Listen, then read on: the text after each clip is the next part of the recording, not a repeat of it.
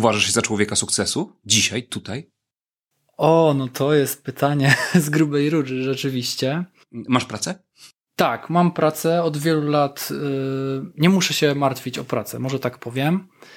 I to, i, w, i okay, w tym kontekście mogę powiedzieć, że, że okej, okay, jest sukces, yy, mam gdzie mieszkać, mam za co utrzymać rodzinę. Myślę, że mam też yy, ciekawe, ciekawe zajęcia i aktualnie, i wcześniej. Natomiast oczywiście to był, to był proces e, i oczywiście doskonale pamiętam te pytania jeszcze, e, które, które padały na różnych spotkaniach rodzinnych w, w czasie studiów. E, filozofia, a no tak, a, a to co będziesz robić?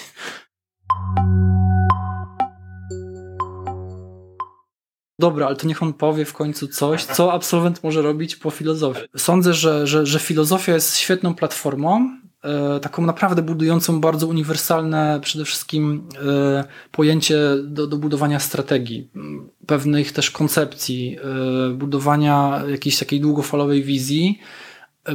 Punkt drugi, komunikacja międzyludzka, prawda? I w ogóle rozumienie komunikacji. Tutaj zahaczamy i o socjologię, i o psychologię, ale to przecież wszystko na filozofii mamy, więc z kolei mamy takie drugie pudełko ze świetnymi narzędziami.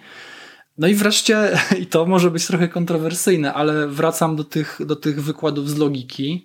To naprawdę jest też świetny, świetny taki punkt wejścia po prostu do nauki programowania. Ale uwaga, nie chodzi o to, żeby nagle zamienić się w dewelopera, ale żeby na, na przykład ogólnie znać pewne zasady programowania, żeby wiedzieć, jak rozmawiać z programistami, z testerami. I jakby łącząc to wszystko, to chcę powiedzieć, że bycie project managerem tak, w IT to jest naprawdę jedna z bardzo konkretnych możliwości dla e, absolwentów filozofii.